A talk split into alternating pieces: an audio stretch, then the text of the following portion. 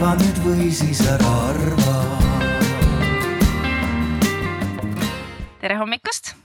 nii tore, et te olete otsustanud laupäeva hommikul siin kell kümme olla sellel arutelul. mina olen Mairi ja selle arutelu juht. mind te näete siin äh, õige pea, aga kõigepealt ma kutsuks siia meie ette ähm, miniväitlejad või miniväitluse äh, tegijad, kes siis avavad meile seda teemat võib-olla natukene värskendavad meie mõtteid, võib-olla tekib mingeid vastuolusid ja siis me saame juba vaadata, kuidas meie arutelusid läheb, nii et palun tulge ja tehke meile väikest väitlust. teeme aplausiga neile.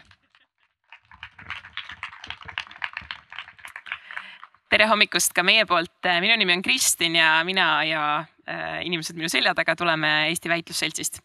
väitlusselts on vabaühendus, mis tegeleb juba üle kahekümne viie aasta sellega, et õpetada peamiselt noortele, aga ka täiskasvanutele argumenteerimise, kriitilise mõtlemise ja eneseväljendusoskuseid. ja Arvamusfestivalil me teeme miniväitluseid, mis tähendab, et me tutvustame väitluse metoodikat oma kõige lühemal, pisikesemal viisil ja selle tarbeks on minul täna siin Heleri ja Markus. Nemad väitlevad täna teemal, kas eh, mina tarbijana peaksin ostma ainult eetilist moodi üks neist on jaataval poolel, teine on eitaval poolel. väitluse puhul on väga oluline see, et kumbki äh, väitlejatest ei esinda oma isiklikku seisukohta, nii et kui teile midagi ei meeldi, mis nad räägivad, ärge nende peale kurjaks saage. Nemad said endale loosiga poole ja seda nad nüüd esindavad. Neil on mõlemal kaks lühikest kõnet, kus nad üritavad teile selgeks teha enda teema poolt ja teie siis saate kuulata ja hinnata, kuidas teile äh, nende argumendid tunduvad nagu ühele väitluskohtunikule, nagu teie kõik siin nüüd kohe olete, tavapärane, siis äh, enne kui väitlus algab, jätke kõrvale kõik oma isiklikud arvamused. kuulake ainult neid argumente, mida te Helerilt ja Markuselt kuulete ja siis väitluse lõpus äh, on teil kõigil võimalus äh, anda oma hinnang, kumba poolt te vähemalt selle väitluse kontekstis toetate. aitäh Äh, mina olen Heleri ja räägin äh, esmalt sellest, et äh, mis see eetiline mood siis on, mille pealt me hakkame täna argumenteerima. et esiteks on see mood, mis pärineb järelturult ja ühtlasi on see mood, mille tootmisahel vastab siis teatud eetilistele ja keskkonnaalastele nõuetele ja olles siis selles teemas jaataja, ma väidan, et mina tarbijana peaksin igas olukorras eelistama sellist moodi nii-öelda kiirmoele või igasugusele moele, mis ei vasta sellistele nõuetele ja ka aktiivselt otsima infot selle kohta, et mis on eetiline mood ja mis mitte. ja miks ma siis arvan, et peaks niimoodi tegema esiteks ma ütlen, et äh, eetiline tarbimine kui selline ongi nagu jagatud kohustus, et äh, see on minu kui tarbija, see on äh, riigi ja see on ka tööstuse, meie kõigi asi, et teha kindlaks, et me kõik, ma ei tea, elame paremini, suhtume planeeti paremini ja siis sealhulgas tarbime eetilisemalt. ja miks, miks ma siis niimoodi arvan, et äh, kui me mõtleme, et kuidas üldse on võimalik äh, mingit muutust päriselt ellu viia või siis kuidas meil praegu juba nii-öelda ühiskond toimib, siis me tegelikult ju kogu aeg teeme niimoodi, et jagame seda vastutust, et a la riigi asi on tuua mu maja taha kolm erinevat prügikasti ja siis minu kui tarbija asi on panna kõik see prügi vastavasse kasti. et taaskord nagu jagatud vastutuse teema või siis, et riigi asi on luua head rattateed teed, aga minu asi on siis valida, et ma sõidan ratta, mitte Hummeriga. et kõik sellised näited juba iseloomustavad seda, et niikuinii me äh, justkui teeme, teame, et, et koos kusagile jõuda, siis me peame kõik midagi selle jaoks ära tegema ja teiseks äh, on see, et tarbija nõudlus ongi just see, mis suunab tööstust olema siis parem et teatavasti tööstus mõistab rahakeelt ja see, kui mina tarbijana ütlen, et vot enam ma seda HM-i kiirmoepluusi ei taha osta, siis HM saab aru, et vot nüüd meil kasum väheneb ja äkki hakkavad siis mõtlema sellele, et võiks, võiks vähemasti üritada kuidagi oma neid tootmisahelaid siis paremaks teha. aga praegu ma annakski sõna oma partnerile mina tarbijana kindlasti mitte ei peaks tarbima eetilist moodi. Äh, ma olen laias laastus nõus sellega, et äh, riigi ja inimeste ja erinevate tootjate vahel on mingisugune jagatud kohustus küll aga äh, see ei ole kindlasti põhjus, miks inimesed peaksid ainult eetilist moodi ostma. ja ma selgitan ka oma kõnes äh, kohe, kohe, kohe nüüd teile seda, miks tarbijal äh, seda kohustust tegelikult ei ole. alustamegi siis sellest. ma arvan, et kohustus moetööstuse probleeme leevendada ei peaks lasuma tarbijal ja seda kolmel põhjusel. esiteks on eetiline mood palju-palju kallim kui teised kiirmoebrändid miks? Äh, eetilist moodi tehakse väiksemas koguses, seal kasutatakse kallimat toorainet ja seal kasutatakse kallimat tööjõudu. kõik see teeb nende riideesemete hinna palju-palju kallimaks eriti praegusel ajal on see oluline, et inimestel oleks ligipääs riietele ja toodetele, mis on vastavas hinnaklassis nende rahaliste võimetega äh, kiire, kiirmood täidab inimeste vajadusi paremini ja eetiline mood lihtsalt ei vasta sellele, mida keskmine inimene tänapäeval vajab. teiseks on kiirmoe ostmine palju lihtsam ja eetilise moe tarbimine on kordades aeganõudvam protsess ma olen nõus selles mõttes, et järelturult ostetud riided ei ole ülemäära kallid, küll aga neid on palju keerulisem leida. ja lisaks sellele ei pruugi ka järelturu kasutamine alati olla eetiline, kuna odavate riiete ostmine võib hoopis suurendada seda, kui palju inimesed üldse riideid ostavad ja kui palju nad üldse tarbivad. aga lisaks ma arvan, et äh, Humanast ostetud H&M-i särk on ikka veel H&M-i särk ja tegelikult äh, see ei ole ka kõige eetilisem asi, mida tarbida. Viimaseks, ma arvan, et inimestel on praegu väga keeruline õigesti otsustada. Firmad ju ilmselgelt juba enda meelest teevad erinevaid tegevusi selleks, et olla kliimasõbralikumad küll aga sageli tegelevad nad hoopis rohepesuga ja paisutavad üle seda, kui kliimasõbralikud nad on. eile siin samal alal toimus selle üle ka arutelu ja ma kuulsin näiteks, et H&M-il on komme öelda, et nende särgid on taaskasutatud materjalist, kuigi tegelikult on taaskasutatud ainult see silt, mille peal on kirjas sõna recycled. seetõttu on inimestel keeruline üldse otsuseid teha, kuna firmad kasutavad aktiivselt ära inimeste äh, vähest informeeritust ja tegelikult on seda infot võib-olla ka keeruline leida seega tegelikult äh, ei ole äh, eetilise moe tarbimine üldsegi mitte nii lihtne ja seda kohustust ei peaks olema inimesel. aga kellel siis peaks? mina arvan, et see kohustus peaks olema riigil ja riikide valitsustel endil. Neil on võim firmasid päriselt muuta, kehtestades erinevaid regulatsioone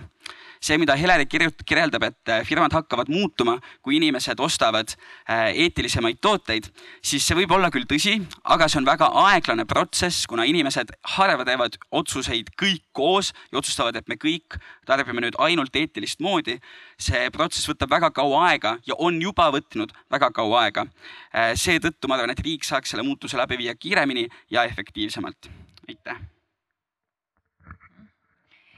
ja sooviks kohe vastu väita. Eh, esiteks eh, seda, et eh, see, et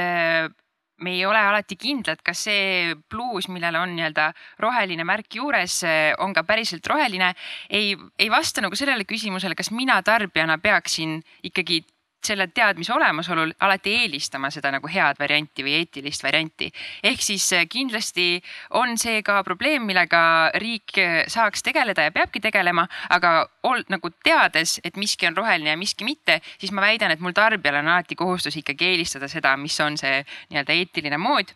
ja, ja veel teise asjana selle kohta, et kui raske või kerge mul on siis tarbijana seda eetilist moodi ikkagi leida ja soetada ja mis ma sellega teen, siis ma väidan, et tänapäeval juba on väga palju alternatiive kuidas eetilist moodi tarbida, et see spektrum on muutunud, äh, jumal tänatud, nii laiaks. et äh, tõesti on see järelturg, äh, mis mina väidan, et see, et ma ikkagi ei osta uut asja, isegi kui ma ostan HM-i särgi sealt Humanast, siis on juba parem kui otse Humanast ostetud, ehk siis nagu väike võit. siis teiseks, et meil ei ole ainult valik üüberkalli ökotoote vahel ja siis Humana vahel, vaid sinna keskele jääb veel väga palju asju, et noh, et a la, et võib-olla see särk pole täiuslikult roheline, aga see on nagu natuke roheline, et vähemalt on tööjõule makstud makstud ja nii edasi, et, et seal on nagu spektrum on päris lai ja, ja päeva lõpuks, kui, kui see kõik sunnib mind rohkem eeltööd tegema ja rohkem oma oste läbi mõtlema ja ma jõuan tarbijana selleni, et ma üleüldse näiteks ostan vähem, siis see on ka juba suur võit meie tarbimisühiskonna mõttes. aitäh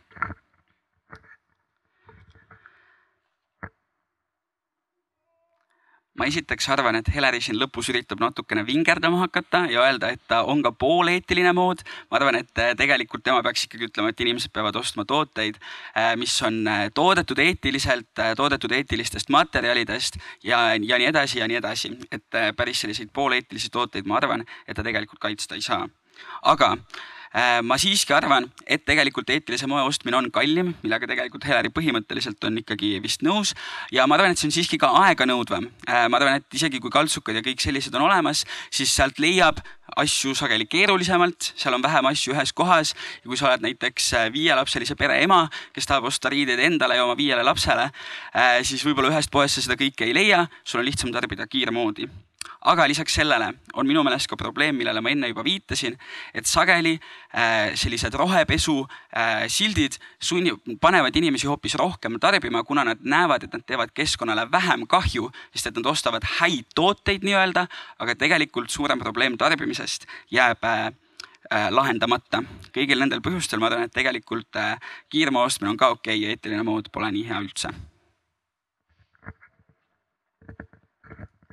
aitäh Helerile ja aitäh Markusele.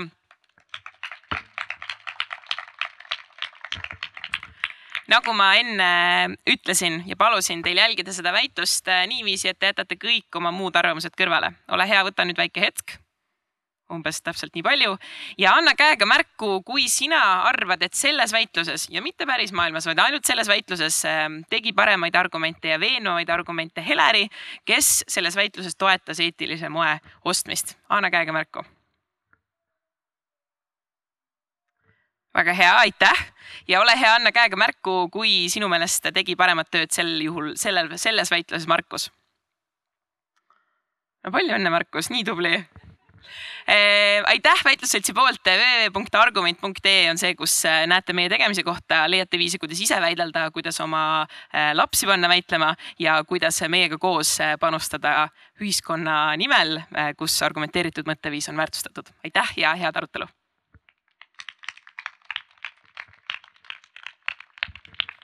aitäh see oli väga huvitav, aga ma kutsungi meie arutlejad ka siia lavale kõik ja siis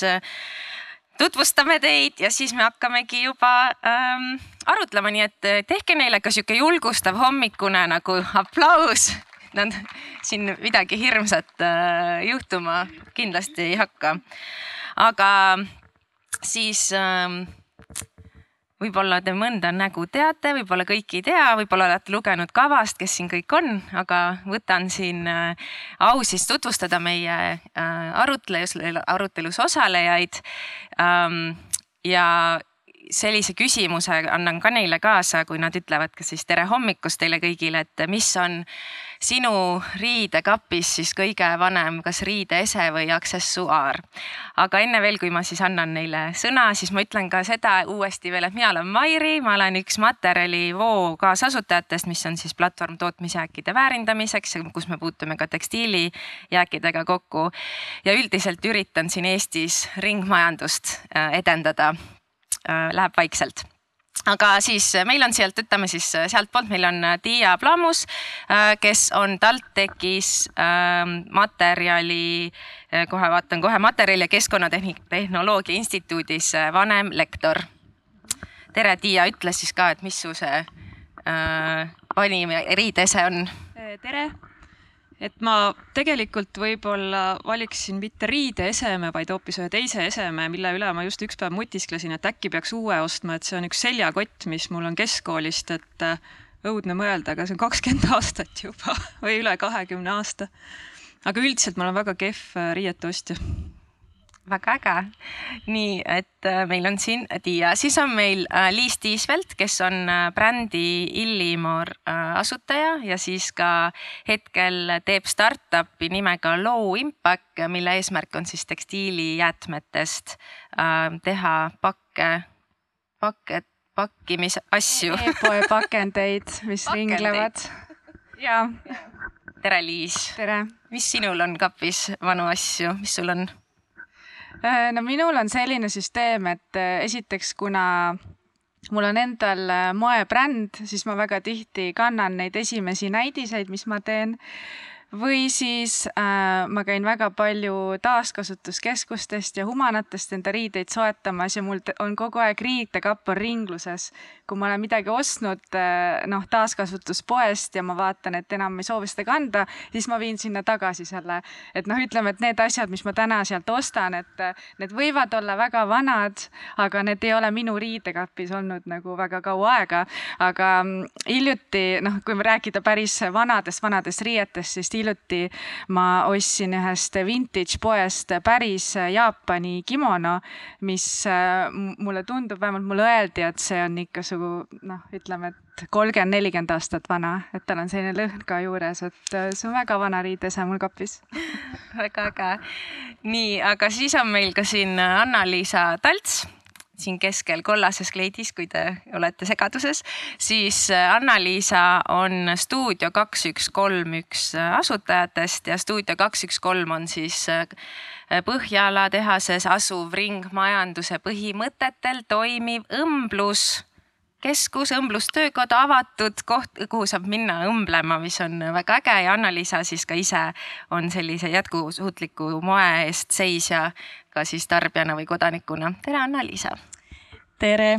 just, et eh, see stuudio kaks, üks, kolm, seal me korraldame igasuguseid töötubasid ja loenguõhtuid, et eh, aidata tuua inimestele sellist ringmajanduslikku mõtteviisi natuke lähemale, tutvustada võimalusi rõivaste parandamiseks ja nii edasi. et sellega me siin paar kuud tagasi alustasime, jah. et olete väga oodatud Tallinnasse. Minu vanim rõivaese natuke raske lugu, sest äh, saatuse tahtel ma olen pidanud väga palju kolima ja nüüd ma ise elan väiksel purjejahil, mistõttu minu äh, ruum on väga piiratud, nii et ma olen pidanud oma riidekapi väga minimaalseks tegema, ehk siis kõik minu riided on hästi sellised funktsionaalsed, mida ma saan äh, pidevalt äh, kasutada. Aga siis ma tooks võib-olla endale emotsionaalselt kõige olulisema rõivaeseme, mille ma sain alles hiljuti, aga see on minu eh, nüüd suvel pa, eh, paari nädala pärast üheksakümne aastaseks eh, saava vanaema särk, mis, mille üle mul oli nii hea meel,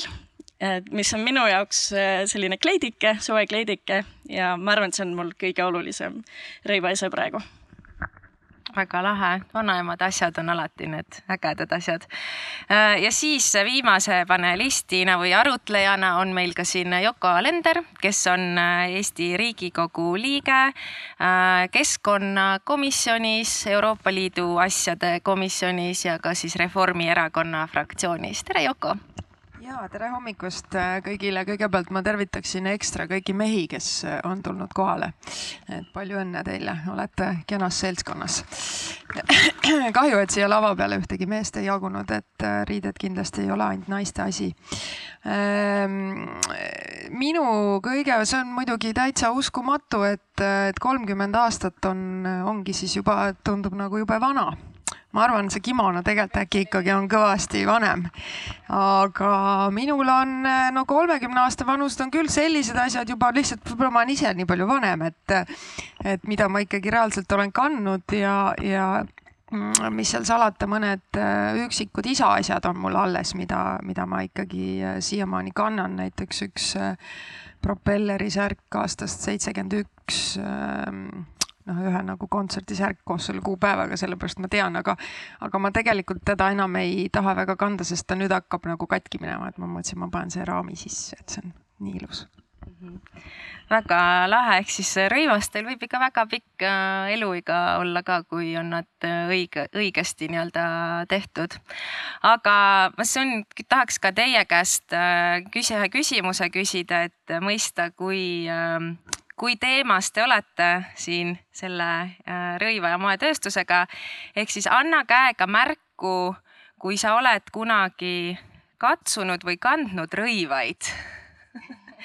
nipi küsimus, te kõik olete siin riietes, et tegelikult ka see rõivast, rõivaste ja riiete teema on selles suhtes meil nii-öelda iga päev. me seisame selle valiku ees, et mida me täna selga paneme, et see on, on meil meid puudutab igaüht nagu reaalselt füüsiliselt igal, igal tasemel. samamoodi nagu ka toidu teema, eks ole, ehk siis te kõik olete kokku puutunud sellega ja sellepärast on ka väga lahe, et me siin nii-öelda arutleme ka selle osas, et kas me saame mis kas siin on mingeid probleeme, kas me saame üldsegi kuidagi paremini äh, selles äh, sektoris või selles valdkonnas tegutseda. aga me võiks natukene sammu tagasi võtta ja üldsegi mõista seda, et äh, miks me kannaneme rõivaid, jah, et meil on ühiskonnanormid, kus me peame katma strateegilisi kohti oma kehast, aga mis on nagu olnud rõivast üldse selline ajalooline ähm,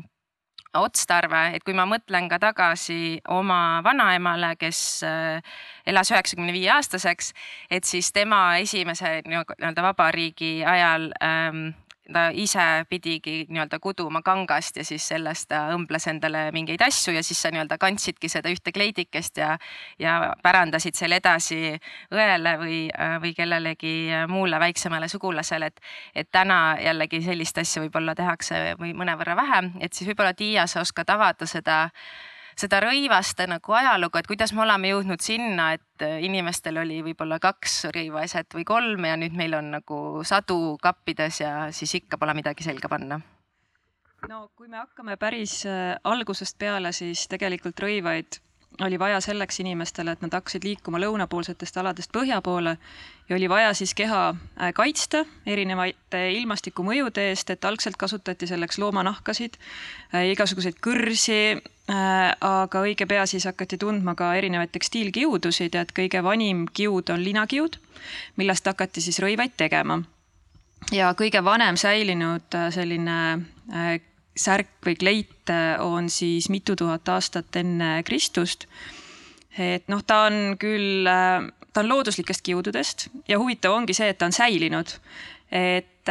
et me peame seda nagu praegu ka tähele panema, et kui räägitakse biolagunevusest, siis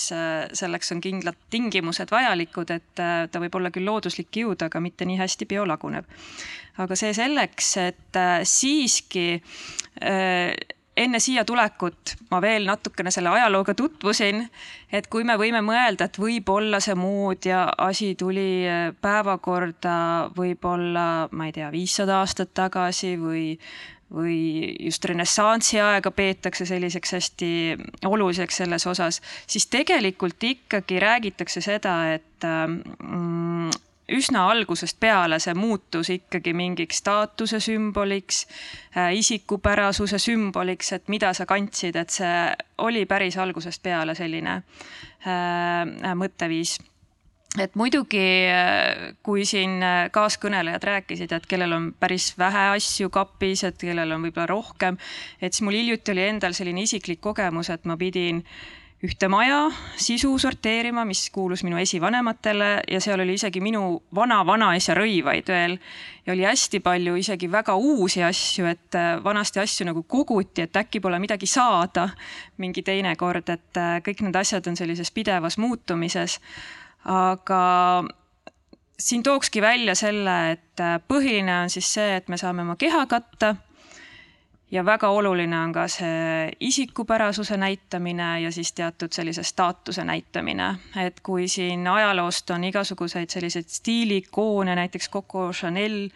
siis tänapäeval noh, vaadatakse näiteks äh, Briti kuningaperet, et kuidas nad rõivas äh,, riides käivad või teisi staare, et see on ikkagi selline staatuse sümbol. aga kui nüüd äh okei okay,, meil on staatuse sümbol, isikupära näitamine, et kuidas siis äh,, kuidas me seda isikupära näitame, kui me lõppkokkuvõttes kõik ühesugused välja näeme. et mingis mõttes minu arust meil on täna ka selline nagu valikute illusioon, et sa mõtled küll, et sul on nagu mitu poodi seal kaubanduskeskuses järjest, et ma nüüd lähen ja valin selle, selle mingi särgi või kleidi ja siis sul nagu lähed kuskile peole ja sul on nagu mingi kolmsada inimest sama, samas nagu stiilis a la äh,, a la valge T-särk ja teksad eks ole, et, et kuskohast see isikupära siis tegelikult meil siin välja tuleb? võib-olla see isikupära on üks pool, aga kindlasti ma arvan, see kuuluvus on, on ka ikkagi hästi oluline. et ähm, et noh, ma, mul tuli lihtsalt meelde, ma olen osaliselt kasvanud Rootsis, kui ma olin küm-, kümme kuni kakskümmend ja noh, seal tol ajal siis ütleme kaheksakümmend üheksa kuni üheksakümmend üheksa. noh, Eestis siis veel H&M ei olnud, et noh, H&M on nagu sihuke sümbol, eks ole, seal oli. ja ma mäletan, me arutasime tihti nagu oma peres ja, ja sõpradega ka, et, et see tegelikult ikkagi nagu mõjutas seda tänavapilti küll. et kõik olid nagu ühesugused, nagu ühe vitsaga löödud, eks ole Äh, aga, aga noh, ütleme,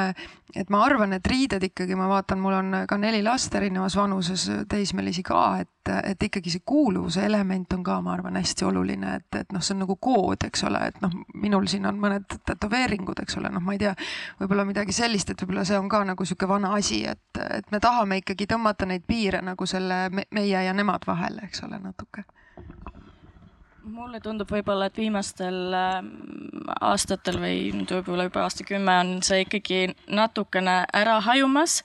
kuna kõik on globaalselt nii kättesaadav, et enam ei ole nii, et äh, sul on mingites piirkondades mingid trendid ja pealinnas käiakse nii ja ähm, maal käiakse naa või mis iganes. ühes riigis on trendid on maha jäänud või et äh, praegu on ikkagi kogu informatsiooni saadaval, ma arvan, et selline isikupärasus kaotab ka nagu olulisust, aga see võib-olla tuleb rohkem sellest, et selle inimese või kandja enda jaoks on seal midagi erilist, mis paneb siis teda nagu isikupärasemalt või paremini või erilisemalt tundma, mitte tingimata siis teisele vaatajale. Samas jälle vaadates moetrende, mis on noh väga kaua aega, eks ju, kui vana moetööstus on. et, et mina ütleks küll, et need ikkagist nagu jätkuvad, et noh, seal on see, et okei okay,, kui midagi on moes, noh, ongi see mingi valge pluus või teksapüksid või noh, hästi kõrgele, kõrge värvliga. et, et siis ikkagist noh, noortel eriti, noh, tegelikult ongi, see ongi ainult noorte teema, et see on oluline, et sa kannad seda viimast moodi. et noh, mina olen, eks ju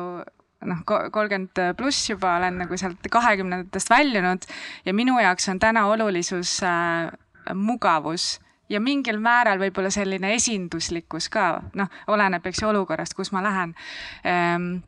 ja siis ikkagist, et ma ju ise ka enda pealt näen, et kui mul endal on rõivafirma, et loomulikult mina ei käi seda sellist üldist mingit trendide suunda, et ma ei, ma ei anna välja, eks ju, kakskümmend kollektsiooni aastas, vaevalt saan ühegagi hakkama sest nii palju muid asju on teha, aga siiski, mul on ka kliendid olemas, kes seda äh, noh, siis äh, soovivad tarbida, et midagi isikupärast, et noh, moedisainerina ma tahan ju luua. Äh, noh, eks mõnes mõttes võib öelda, et ma sunnin ju enda stiili inimestele peale, aga nii tore, et mul on neid äh, järgijaid ka. ja, ja ikkagist noh, ütleme, et see kurja juur on see kiirmood mis lihtsalt sunnib psühholoogiliselt inimesi rohkem tarbima, aga jälle siis tekib selline mõistlikkuse piir, et et äh, kui rõivaeseme tootmiseks kulub nii palju energiat, noh, puuvilja taime kasvatamiseks, eks ju, vee, veekulu, väetised, see tööjõud, äh, kiuks tootmine, lõngaks tootmine, kangaks tootmine, värvimine, noh, kõik need keemilised töötlused, et siis äh, täiesti ebaratsionaalne, ebamõistlik on kanda seda T-särki, ütleme, aasta aega, võiks kanda kümme aastat. Aga siin Liisa juba puudutasid ka seda, et, et mõni nii-öelda moemaja annab välja kakskümmend kollektsiooni aastas, et kindlasti on ka selliseid ähm, kiirmoekette, kus sa siis iga esmaspäev võid minna poodi ja midagi uut sealt leida, et siis mõtlemegi, et viiskümmend kaks nagu kollektsiooni, et, et see tänane see nii-öelda äh, ahel, et kuidas nii-öelda ideest jõuab toode poodi, on ka siis kiirmoekettides väidetavalt ka siis kolm kuni nii-öelda kolme nädala jooksul võib ka siis üle maailma sul siia jõuda poodidesse mingi uue meemiga T-särk näiteks. et siis tegelikult ma küsin ka seda, me täna, et see nii-öelda arutelu pealkiri ongi, et mis on moe ja tekstiilitööstuse hind, et miks, mis, et sa Liis mainisid ka, et see nii-öelda see protsess sealt Äh, puuvillast nii-öelda üldse selle nii-öelda särgini näiteks jõudmine on hästi pikk. et mis on need äh, peamised probleemid üldsegi, mis meil täna siis moetööstuses on, et, äh, et ähm, kas siis nii-öelda tootmise ahela protsessis, tarbimise otsas või siis lõppjärgus, et mis te peamiste probleemidena, väljakutsetena täna välja tooksite, et miks me täna sellest arutelust siin üldse räägime? No neid probleeme tegelikult on väga palju ja seda tekstiili- ja moetööstust tuleks vaadelda kui ühte väga suurt tervikut. et me peaksimegi kõikides nendes etappides mingeid muutusi esile tooma, et asi hakkaks paranema. et võib-olla välja tooks siis materjali tootmine, mis võib-olla on siis väga kõige energiamahukam, ressursimahukam ja noh, muidugi ka see toodete transport et mõtlen, mis see transport siis on, et võib-olla sinna kulub mingit kütust, on ju.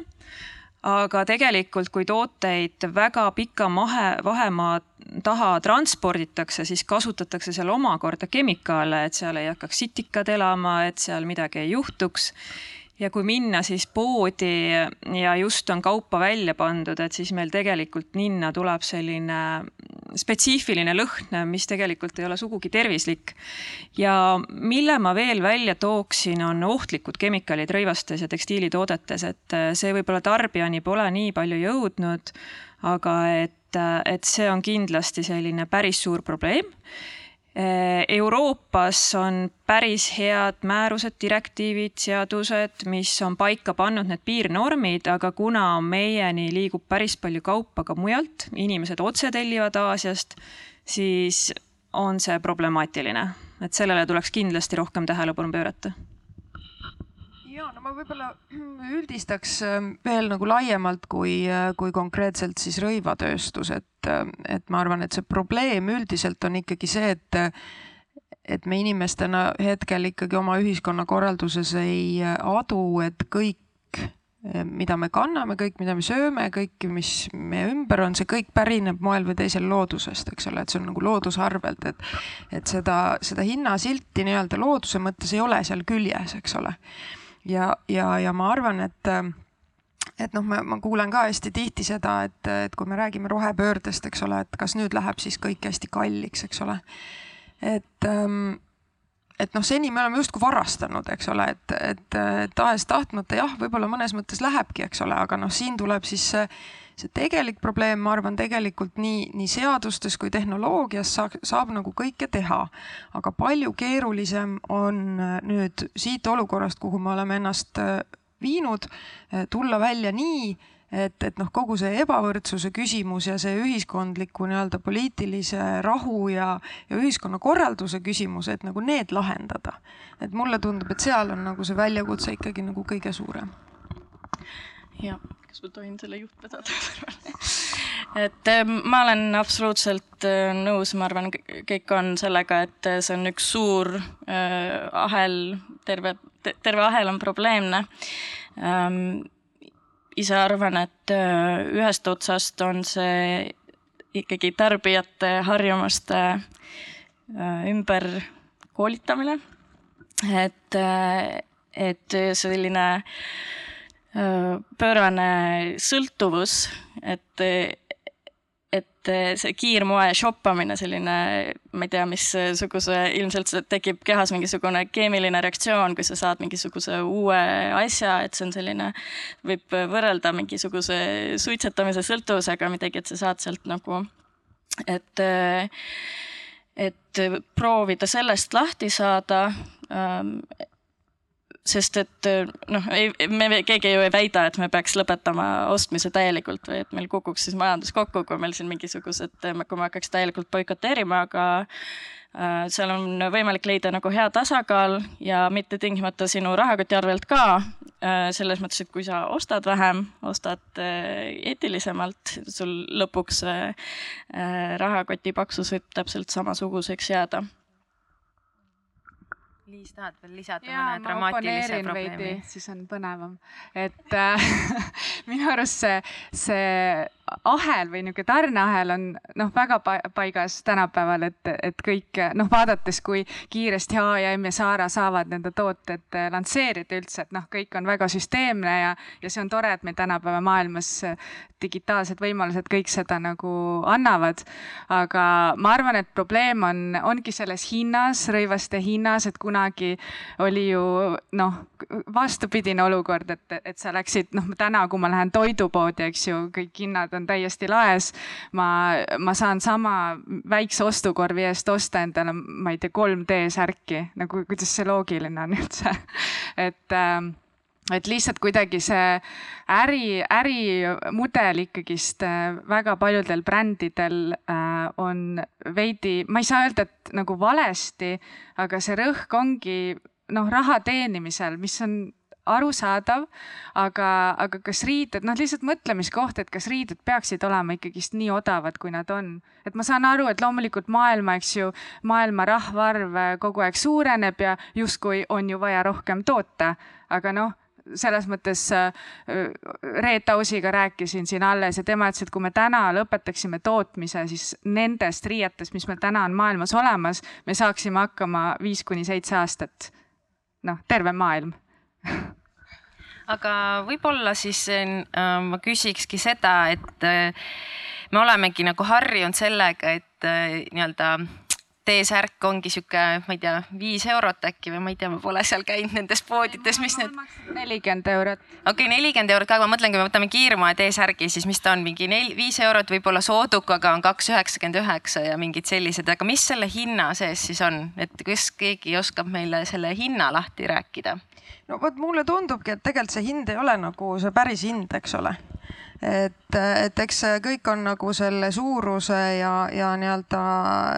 tööstuse optimeerimise küsimuseks. aga, aga ma arvan, et enne kui meil ikkagi kõikidesse toodetesse ei teki nagu see, seesama, see loodusressursi, eks ole, seesama energia hind, noh, need kõik peavad hakkama seal nagu reaalselt kajastuma, eks ole. et praegu lihtsalt on niimoodi, et noh, see toit ja, ja energia on olnud nagu need esimesed, kes on noh, läinud nagu sinna, sinnapoole nagu liikuma olemas, eks ole et, et noh, ja, ja ega noh, õnneks ütleme, et ka noh, mõnel kiirmoeketil siiski läheb juba ka natukene nagu kehvemini, eks ole. et, et noh, et eks, eks need nagu muutused peavad tulema, aga, aga ma arvan ikkagi, et, et noh, lõpuks peab see juhtuma ikkagi ka nagu regulatsioonide tasandil ja eks Euroopa Liidus ka seda noh, on see tekstiilidirektiiv ja, ja ökodirektiiv noh tulemas, eks ole. Et, et lihtsalt ma ütlen, et, et noh, see, see ühiskondliku muutuse, kui me kogu aeg oleme arvanud, et noh, võibki tasuta võtta, noh, vesi ka ei maksa midagi, kraanist tuleb, eks ole, noh, tegelikult me ei maksa ka Eestis vee eest midagi, me maksame ainult selle, selle nii-öelda teenuse ja selle infra eest, me ei maksa tegelikult vee eest, eks ole. et, et, et noh, see, see muutus on ikkagi niivõrd äh, suur, et, et see lihtsalt saab olema väga valuline tundub ka, et see on hästi-hästi mahukas ja võtab nagu, kuna kõik osapooled on sellesse kaasatud, siis see on väga nagu ajakulukas protsess, kui me seda nagu väga tugevalt tagant ei lükka ähm,. aga, aga samas see on nagu minu meelest äge nagu väljakutse, et proovida pöörata nagu mõtlemist täiesti pea peale, et me oleme suutnud igasuguseid asju äh, leiutada, et miks me ei peaks saama hakkama sellise probleemi lahendamisega. Ja see on nagu selline äh, tulevikugeneratsioonidele võib-olla selline äge äh, väljakutse aga võib-olla Liis ikkagi võib-olla kirjeldad meile siis ka ise siis nii-öelda müües rõivaid, et mis selle hinna sees on ja siis me juba jõuame ka sinna selle seadusandluse kõige selle juurde ka tagasi äh, tulla ja muidugi, ma arvan, läbipaistvus moes on väga oluline, et äh, teadvustada tarbijale ka, eks ju, et millest siis see hind koosneb. noh, hinna sees on, eks ju, materjal kui materjali on vaja kuskilt transportida, siis see on ka hinna ees, hinna sees, noh, ühe T-särgi jaoks, see, mis mul seljas on, olenevalt T-särgi pikkusest, ütleks, et võib-olla äh, null koma seitse meetrit äh, materjali on vaja, sest kangalaius on äh, üks koma viis tavaliselt. Ähm, siis siin särgi peal mul on selline digiprint ei ole kuumpress äh, plastikust äh, vajutatud peale on digiprint, mis on ka väga selline ökonoomne ja jätkusuutlik. noh, ja siis äh,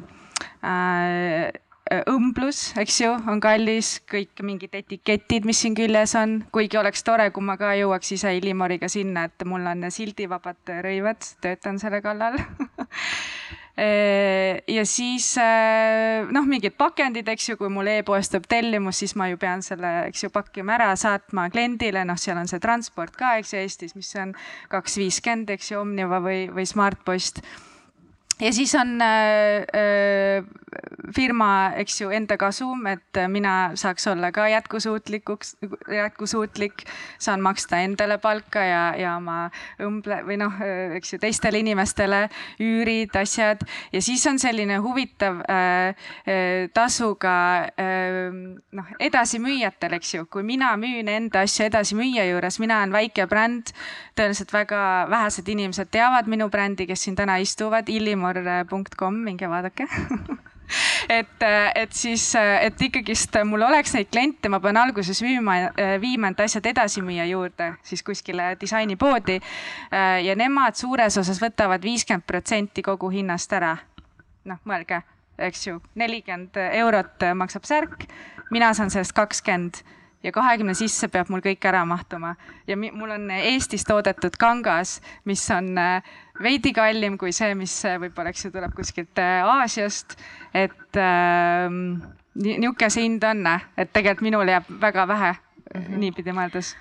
okei okay,, okei okay,, aga siis ongi. vaata, siin tuli okay., juba tuli välja, eks ole, et see Eestis toodetud kangas on kallim kui see, mis tuleb Aasiast, eks ole. noh, Aasia ei ole eriti lähedal, eks ole, et noh, kuidas me nüüd saaksime sinna sisse selle hinna, eks ole, et ikkagi see kohalikkuse nii-öelda eh, noh,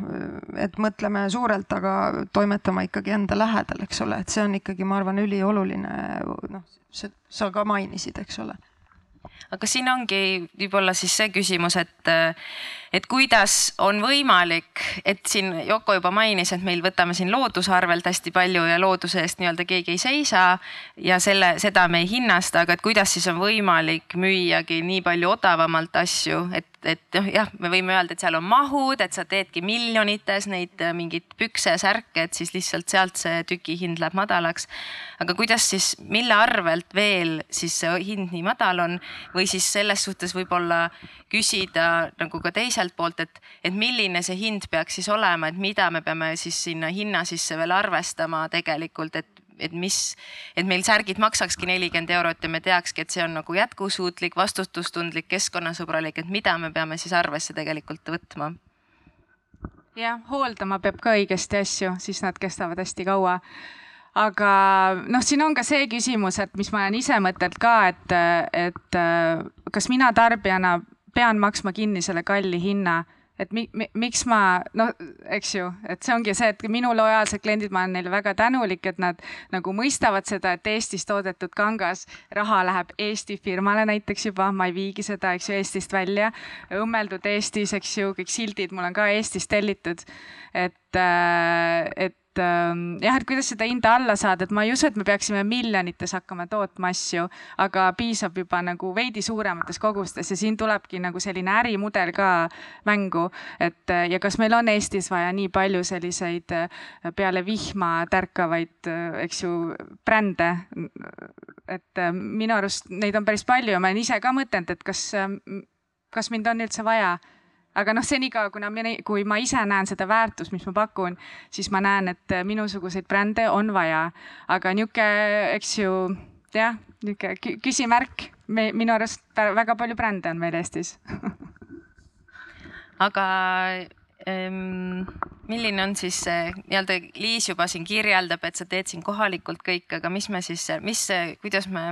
mõistame jätkusuutlikku moodi või jätkusuutlikke rõivaid, mis seal elemendid olemas peaksid olema? kui ma tohiks veel selle eelmise juurde tuua nagu ühe elemendi sisse, et, et noh, et kuidas siis ikkagi see looduse arvelt tulemise hind peaks hakkama nagu kajastuma, eks ole. et, et põhimõtteliselt peaks ikkagi selle T-särgi CO2 heide Äh, alates sellest mõttest kuni selle särgi siis tarbijani jõudmine, jõudmiseni olema maksustatud tegelikult. et, et noh, eile näiteks juhtus sihuke lugu, et sõin hamburgerit ja äh, Rootsi kett äh, ja kohe oli siis juures, et neli kilo oli selle hamburgeri äh, CO2 heide. Ja, ja see siis WHO soovitab, et kui vaadata kogu seda CO2 bilanssi, mis, mis justkui siis toidutööstusel, arvestades siis ka rahvastiku kasvu, kõike seda, et ühe eine CO2 heide ei tohiks olla rohkem kui pool kilo noh, mina juba sõin kaheksa heinet ära selle ühe burgeriga eile, eks ole. et, et aga noh, me ei tea ju neid asju, vaat siin on see küsimus, eks ole, kuidas me nüüd hakkame mõõtma, et ma arvan, üks osa sellest suurest muutusest on see, et kuidas see teadmine tuua meile ikkagi kohale, eks ole. et, et mis on tegelikult selle asja hind, et tegelikult see oli ikka räigelt kallis hamburger, mille ma eile ära sõin just, et su eelmisele küsimusele ka, et et, et kust, kust see ahelas siis see hind nii väikseks läheb, et see ongi nii pikk, et igast, igast lülist ampsatakse midagi. ja, ja mulle tundub, et tegelikult on vaja väga vähe, et, et käiks inimestel nagu see klõps peas ära, sest et ma arvan, väga paljudel, kes siin ka on ja meil on see klõps ilmselt käinud et äh, aru saada, sest toidupoes on ju ka, võib-olla on palju lihtsam teha valik kodumaise mingisuguse aine, toiduaine vahel äh, ja mingisuguse Hispaania tomati või mis iganes, et äh, sest ja seesama nagu selline mõtlemisviis võiks meil ju olla ka rõivaste puhul ja selleks ongi meil vaja sellist, ütleme, datat, mida, et me saaks nagu näidata inimestele mustvalgelt, aga see ongi nõnda. Aga jah, kuna ta on nii Äh, pikk ja keeruline tööstus ja nii palju osakesi, siis on nagu väga raske selleni jõuda, aga, aga ma arvan, et see ongi see, mille kallal töötatakse ja millele peaks edasi töötama. ja ma korra lisan, et see mõt-, mõtteviis on äh, tõesti väga oluline just tarbija vaatest nagu seda, seda rääkides, et, et äh, lihtsalt läbi mõelda, et kui palju sul on neid uusi asju üldse vaja ja äkki tänapäeval on, hakkab üha populaarsemaks muutuma rõivaste rentimine selline ja mina olen seda paar korda kasutanud sünnipäevaks, tahtsin näha, näha väga ilus ja äge välja ja ma rentisin riided, eks ju, seitsme euro eest, viisin tagasi ja kõik, olin väga õnnelik, nägin väga hea välja. noh, see, see variant on ka tänapäeval olemas. Ja siis see rõivaste noh, parandamine ka, et mille tõttu see eluiga rõivastel siis äh, väga palju kasvab. Võib-olla, kui tohib, siia tooks ühe paralleeli, et see, see on hästi äh, nagu seostub ka näiteks sellesama äh, siin keegi mainis, et äh, noored vist väitlejad, et, äh, et jalgratas või hummer, eks ole. et, äh, et see mõtteviisi muutus peab olema kasutamine, mitte omamine, eks ole, et noh, me kõigil kümnel miljardil ei saa olla seda hummerit, noh siis on tuksis, eks ole, ega, ega ka seda pidukleiti, eks ole väga, väga õige, et see läheb ka sellesse ringmajanduse teemasse väga hästi. et tegelikult, kui nüüd nagu jällegi mõelda sellele, et okei okay,, et kui me kujutleme seda nii-öelda jätkusuutlikku rõivatööstust, et siis äh, mingis mõttes noh, nagu peakski mingis mõttes olema nagu Liis kirjeldas ka, et sul on sihuke, need, see tarneahel ka läbi mõeldud, et ta ei koorma seda keskkonda nii palju, sa saad õiglast äh, tasu, mis on täna ka fakt, mida siis nii-öelda kiirmoe tööstust toetades sa kindlasti seda ei toeta. Äh, Tiia mainis meil kemikaale äh, siin arutelu alguse poole, mis on ka üks asi, ma arvan, mille nii-öelda keskmine tarbija, me me ei, me ei näe seda, kuidas näiteks tehakse teksapükse ja mitu liitrit sinna kemikaale ähm, sisse pannakse. ma ise mõned aastad tagasi käisin ühes Eesti ettevõttes äh, tootmises külas, kus tehaksegi teksapükse ja minu nagu see ajuplahvatushetk oli see, kus neil olid, ähm, oli siis nii-öelda kastid äh, teksapükstega, mis nägid välja sellised hästi nagu nad olid hästi kõvad, ülitumedad, sihuke nagu üli-ülitume nagu teksa. ja siis, äh, ja siis sa nagu katsud seda, sa oled mingi, mis asi see on nagu mingi pulk põhimõtteliselt ja põhimõtteliselt seal kõrval oli siis järgmine konteiner see oli siis see pesuruum, kus siis neile tehakse seda kivipesu nendele teksastele. Ja siis seal kõrval oli kast, kus oligi need sihuke ülipehme, see um, stretchikad, helesinised teksapüksid olid nagu sellest kõvast pulgast saanud läbi selle kivipesu ja kemikaalide. Ja sa lihtsalt oled nagu, kuidas see võimalik on, nagu mis asi, mis asi, mis asi, mis kemikaale me nagu ka enda keha peal tegelikult selles suhtes äh, kanname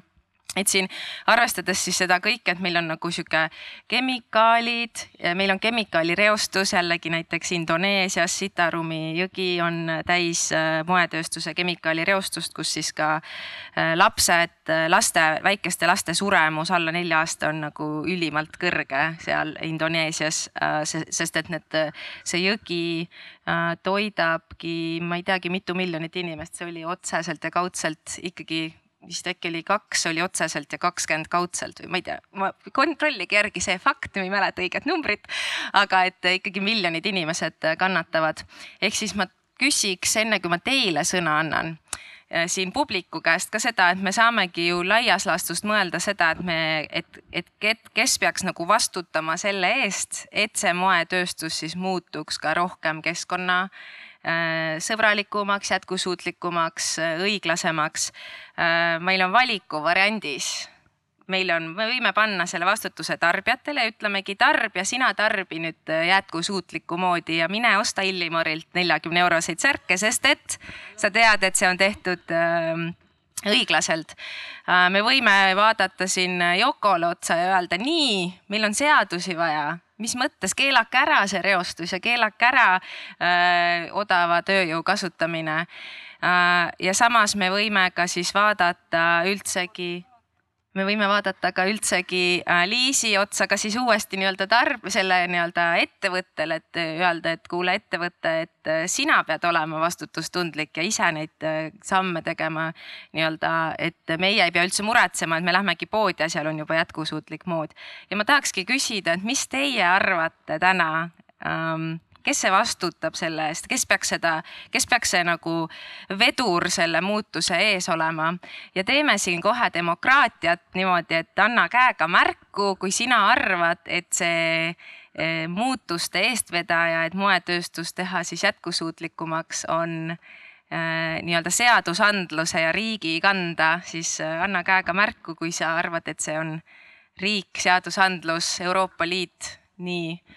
ma ei tea, kas ma jõuan lugeda kokku üks, kaks, kolm, neli, viis, kuus, seitse, kaheksa, üheksa, kümme, üksteist, kaks, võib-olla mingi neliteist inimest, viisteist võib-olla, okei okay,, aitäh. kes arvab, et see on täitsa nii-öelda kodanike ja tarbijate teha, nemad peavad valima paremat? ma tahaks täpsustada, et kõik saavad ühe korra ainult hääletada. Siin on üks hääl kõigil, tõstes, et siin tõstame käed, okei okay,, siin on neli kätt võib-olla, viis ja kes arvab, et ettevõtjad peaksid siis äh, tegemagi jätkusuutlikku moodi, siin on ka kaks kätt seal, Martin, see on sohi tegemine. Siin on ka võib-olla viis häält, et siin äh, seadusandlus ikkagi vaatame siis, vaatame siis, aga mis siin panelistid siis arvavad, kus see, kes see vastutab, anname vastused siin. ja no vaata, häda on selles, eks ole, et, et minu käed sinna Singapuri ja Bangladeshi ei, ei ulatu, eks ole, ja, ja noh, teatud meil on ka demokraatia, eks ole, et noh, eks, eks ma arvan, et tegelikult see küsimus on või võib-olla see vastus on ikkagi selles, et et ega kõik vastutavad, eks ole, et ega ja, ja noh, jagatud vastutuse puhul tekivadki ju, me teame filosoofiast juba teatud riskid, eks ole, et siis justkui ei vastuta keegi, eks. aga ju ikka noh, ma arvan, et lõpuks läheb lihtsalt nii valusaks, ega siis muud varianti ei ole, ma olen viimasel ajal selles mõttes üsna selline ma ei taha öelda pessimistlik, sest ma tegelikult olen väga optimistlik, aga aga noh, ikkagi ähm, meil on tegelikult ju olemas täpselt, sina vist ütlesid, et, et see teadmiste hulk, mis on täna saadaval, on tegelikult meeletult suur, eks ole, info kättesaadavus on, on väga suur, eks ole. et, et meil justkui ei ole enam vabadusi teha nii, nagu me oleme teinud, eks ole, sada aastat. Et see on nagu see, see point, eks ole, et me, me kõik teame, noh, ma olen vaielnud palju oma abikaasaga, et kas me saame oodata ettevõtetelt et nemad võtavad selle idealistliku, vaat vist ei tule välja, sest inimeses ikkagi jällegi on see see, see Maslow püramiid, eks ole, ega see meid igal pool nagu ahistab, see Maslow püramiid tuleb, eks ole, läbi, et kõikides nendes etappides kui, kui riik läheb väga kõvasti peale, no me teame, mis siis juhtub, milline vastasmõju tekib, eks ole. noh, me oleme seda ju noh näinud viimasel ajal, eks ole. et see on ikkagi üks igavesti keeruline mäng, et ma arvan, et tuleb ikka palju rääkida ja lugeda ja teadlikkust tõsta ja nii edasi. jah äh, tooks jälle sellesama asja välja, et see ongi selline kompleksne probleem, et mina ilmselt poleks ühegi valikuvariandi poolt niimoodi üheselt hääletanud. et et ähm, hiljuti meil oli ka üks ringmajanduse uuring äh, ettevõtete hulgas ja erinevate äh, siis selliste asutuste hulgas, et tegelikult äh, ettevõtjad vaevlevad ka ikkagi infopuuduses. et võib-olla see, kui infot on liiga palju, siis enam ei saa aru, mis toimub. ja tarbija samamoodi, et äh, et minu käest sõbrad ja tuttavad hästi sageli küsivad, aga mis siis õige on, mis ma siis tegema pean. aga mul ei olegi tegelikult väga head vastust, et ma saan nagu selles raamistikus rääkida, mis meil praegu on, et mis sa praegu nagu saad hästi teha. Et, et siin tooks välja võib-olla mõningad nüansid, et äh, hästi oluline on äh, teadlik tarbija, teadlik tootja, teadlik ettevõtja, teadlik riigiasutus. Äh, siis oluline Eesti kontekstis on ka see, et, et me looksime sellise ühtse nagu vihmavarju kõikide asjast huvitatute üle et äh, meil on väga head näited naaberriikidest, et Soomest, äh, kus äh, see tekstiili ja rõiva valdkonna jätkusuutlikkuse ja ringmajanduse teema on pikalt laual olnud ja kus hästi aktiivselt sellega tegeletakse. et me ei saagi nagu öelda, et vot riik on süüdi või tarbija on süüdi või ettevõtja on süüdi, et me peame vaikselt ja järjekindlalt kõikide nendega tööd tegema ja võib-olla üks selline hästi suur murekoht äh, nii tootjale kui ka tarbijale ja riigile Eestis on see, et mida me teeme nende tekstiilijäätmetega. et see on selline valukoht, et äh, kui ka tavainimene küsib, aga mida ma siis teen, et kuhu ma ta siis viin, et äh, ma tahan, et ta ümber töödeldakse, aga tegelikult õige vastus on see, et, et sa ei saagi teda kuhugi viia, et sa sada protsenti tead, et see töödeldakse ümber et äh, no muidugi hästi vaikselt selles suunas äh, mingisugused sammud käivad. Äh,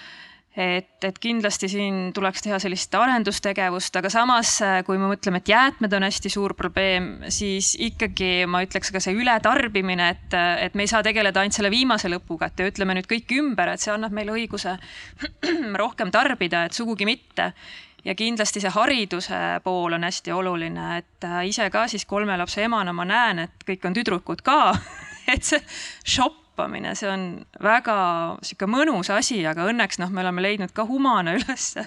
et, et, et mitte nagu näidata, et see on nagu põlu all see humana või second hand, et äh, jällegi tegelikult Balti riikides on positiivne see, et päris palju ostetakse teise ringi poodidest asju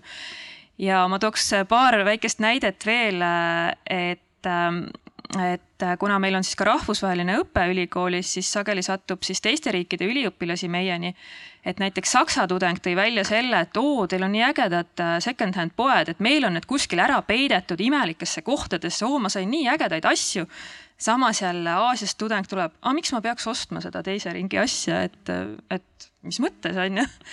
siis jälle Bangladeshi tudeng räägib, et kuule, meil on sihuke jõgi, et seal saab umbes värvida juba midagi, et äh, jah, ühesõnaga, et see teema on nii kompleksne, et seda tuleks igast otsast natukene lahendada ma tahtsin võib-olla regulatsioonide koha pealt, et noh, ma arvan, et see, see esimene asi, mida tegelikult äh, ma ei ole tegelikult seda tekstiilistrateegiat ise lugenud, selles mõttes ma ei tea, kas see on seal sees, võib-olla sa oskad vastata, et et noh, ikkagi, kus minu meelest peaks reguleerima, vähemasti siis Euroopas, eks ole, me ei saa kahjuks sinna Aasiasse, me ei pääse, eks ole. et ähm, et see tekstiilide koostis, eks ole, et noh, need segamaterjalid ja kõik kogu see jama, eks ole, noh, mis põhimõtteliselt kahekümne viiendast aastast meil on Eestis ka kehtib, eks ole, kohustus siis eraldi koguda äh, tekstiilijäätmeid. aga, aga noh, tõepoolest nagu sa ütled, et noh, mis, mis ma siis kogun jõudsalt, kui, kui tegelikult ei saagi nendega midagi teha, lihtsalt viid ahju, eks ole. et, et, et ikkagi tõmbaks nagu mingist hetkest selle piiri vahele, et see, see uus, mis siis lastakse turule, et need materjalid, need kangad vähemasti nendega päriselt saaks midagi teha, et ma arvan, et noh, siin sinu see startup on, eks ole, ka muidugi äh, vist kuidagi ja, ja ma võin sellest jah, see on, see on üks äh, viis, äh, kuidas siis, kui ma olin TalTechis ise äh, magistratuuris, Tiia oli minu lõputöö juhendaja ja õppejõud, ma olin tekstiilitehnoloogias. Ja, ja siis koostöös juba eelneva TalTechi alustatud programmiga või projektiga mina siis andsin põhimõtteliselt otsisin tekstiilijäätmetele väljundit, sellist, et mul on tuleb sellest arendusest välja toode, mida saab turul päriselt kasutada. et TalTech tegeles materjaliarenduse poolega pigem ja siis koostöös mina mõtlesingi välja sellise toote, kus võivad olla just segakiud, et nagu polüester, eks ju, puuvill või polüamiidid, kõik niisugused asjad koos, see ei ole oluline minu toote puhul. mul on see toode kaasas ka, ma saan käia, lasta ringi käima. muidugi on Liisil see toode kaasas, kas ma olen üllatunud, ei ole? ei ole, nii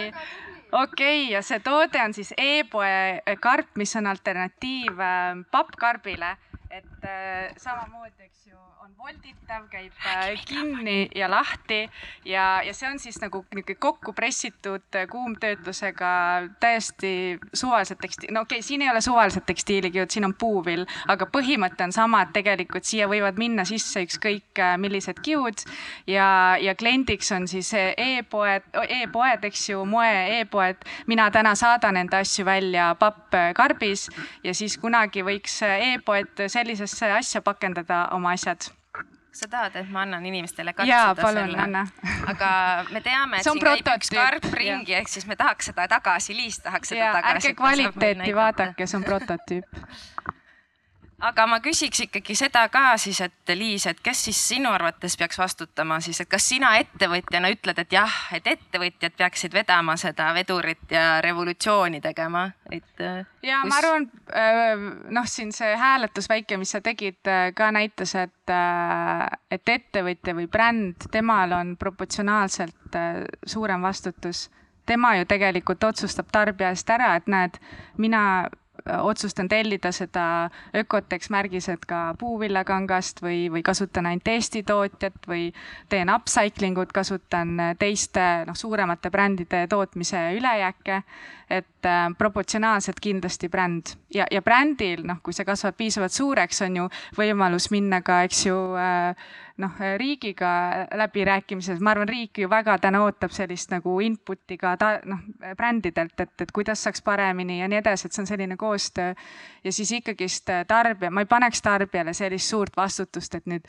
loe kõik need raamatud läbi või hakka lugema mingisuguseid uh, uurimustöid ja teadustöid internetis ja noh, meil on ju muid asju teha, olgem ausad, kõigil on nii kiire tänapäeval, et, uh, et jah, tarbija tegelikult uh, tuleks viimasena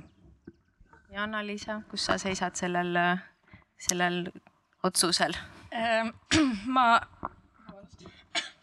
mina äh, jagan teie arvamust, et kindlasti see on kõikide osapoolte teha ja, ja kõikide vastutada, aga kahjuks tõesti, nagu sa ütlesid, et, et kui kõik vastutavad, siis äh, keegi ei tunne, et vastutab, et tegelikult kuna me ei näe oma silmaga neid probleeme. me ei näe neid pööraseid prügimägesid või neid jõgesid, värvilisi siniseid jõgesid, noh, ütleme siis erksiniseid ehm, siis meil on hästi lihtne kõrvale vaadata sellest. Ehm, ja, ja ma arvan, et siin on võib-olla see koht, kus nagu meie oleme praegu kohas, kus me peame nagu ümber õppima, ümber mõtlema asju, aga meie nagu tulevane generatsioon võiks juba üles kasvada selle mentaliteediga või selle teadmisega, et äh, nii, ainult nii saabki teha asju et see praegu noh, oligi vist praegu oli, mina olin ka Tiia juures, äh, võtsin äh, ringmajanduse ainet, aga see on vabatahtlik aine ja minu meelest üsna ka värske. et, ähm, et minu jaoks on nagu kummaline, et, et see on nagu vabatahtlik, see ei ole vabatahtlik, me peame, me peame minema ringmajandusele ümber. ja sügisest juba kohustuslik materjalitehnoloogia. just, et kui me teame, et või kui meil on, käime ülikoolis ja meil on see esimene aasta on selline baasõpe, et eh, ükskõik mis erialal sa oled, minu meelest see võiks seal juures olla samamoodi nagu me õpime keskkoolis või kus iganes. et inimesed noh, kasvavad üles selle, nende oskuste, teadmistega ja no vot siin minu meelest me jõuamegi, hakkame vaikselt nagu jõudma nende lahendusteni tegelikult, et, et ega see, see mõttemalli muutus, noh, see kestlikkus ja kõik, et noh, võib-olla me alles nagu hakkame aimama, millest see üldse koosneb, eks ole, noh, kestlikkuse sõnagi tihtipeale Eestis noh, arvatakse, et see on lihtsalt roheline nagu. et noh, see, et seal on ka need sotsiaalsed ja majanduslikud aspektid ja selle tasakaalu otsimine, eks ole, et et seda võib-olla ei ole nagu eriti veel isegi teadvustatud, aga, aga samas noh, siin ma ei tea, ma nägin vist äh, Jaanus Purga tõi mulle mütsi, ma ei tea, kas ta läks ära, aga äh, ja minu meelest, äh, kas see olid sina või oli see Peep Siitam Rohetiigrist, kes ütles seda, et tegelikult kliimaneutraalsus, kliimaneutraalsele majandusmudelile ei ole alternatiivi. et, et nagu see, et, et noh, kui me õpime ka majandust ülikoolis, eks ole, või mida iganes või noh, me läheme esimesse klassi, noh et see, see on ikka noh, see, see on nagu tegelikult natuke pildi ümberkeeramine, eks ole, et see, see on keeruline ja ma arvan, üks valdkond, mis on ülioluline, on seesama, et ma saan noh, seda burgerit tellides, et ma näen, et seal on see neli kilo kirjas, eks ole, et see, see, vot see on see, mida peab riik nüüd tegema, et kohustama, et see oleks seal kirjas ja nii, et ma aru saan. et noh, siin tuues võrdluseks näiteks äh, Ühendkuningriikides äh, minu meelest nüüd juba kehtib see, et sul peab olema igal pool kirjas äh, kalorsus, eks ole, noh restoranides, eks ole, et, et see võib-olla ka, et, et noh, see, et, et ma saan nagu aru, noh, et mitte ei ole ainult kolm eurot, vaid on sealjuures ka see teine hind, eks ole, et see on nagu oluline kas keegi äh, siin kuulajate seas tunneb äh, suurt tahet ka enda seisukohta jagada, et kui usud, et üks või teine osapool peaks see vedur olema, et äh, ka jagada teistega oma mõtteid siin. panen õhku selle küsimuse. mõni käsi tõuseb ei tõuse, olgu, aga ma julgustan teid mõtlema küsimusi, sest et äh, neid ma tahan ka äh, teilt kuulda ja siis saate arutlejatele neid ka esitada. aga siis äh, siin Yoko juba mainis, et räägime siis ka võimalikest lahendustest. et ma ei teagi, kust otsast üldsegi seda siis hakata nii-öelda arutama, sest et Tiia juba mainis, et meil on siin väga suur väljakutse tegelikult nagu rõivastega, mis on siis oma eluea lõpus ja mingis mõttes ka üleskutse siin äh, publikule, et kunagi ei ole hilja minna materjaliteadust õppima ja leiutada meetod siis äh, tekstiilide ümbertöötamiseks, et see, see on siis äh, uus Jeff Bezos, ma arvan. Ähm, et kas siin oskate te nüüd nagu öelda, et on siin nagu siin, kui me räägimegi siis rõivast eluea lõpust, Yoko mainis ka, et Euroopa Liidu siis äh, direktiivi järgi aastast kakskümmend kakskümmend viis kõik tekstiilijäätmed tuleb eraldi koguda. see ei ole üldse kaugel, see on siis mis aasta meil on, meil on, mis meil on kakskümmend, kakskümmend, see ongi suht ülehomme.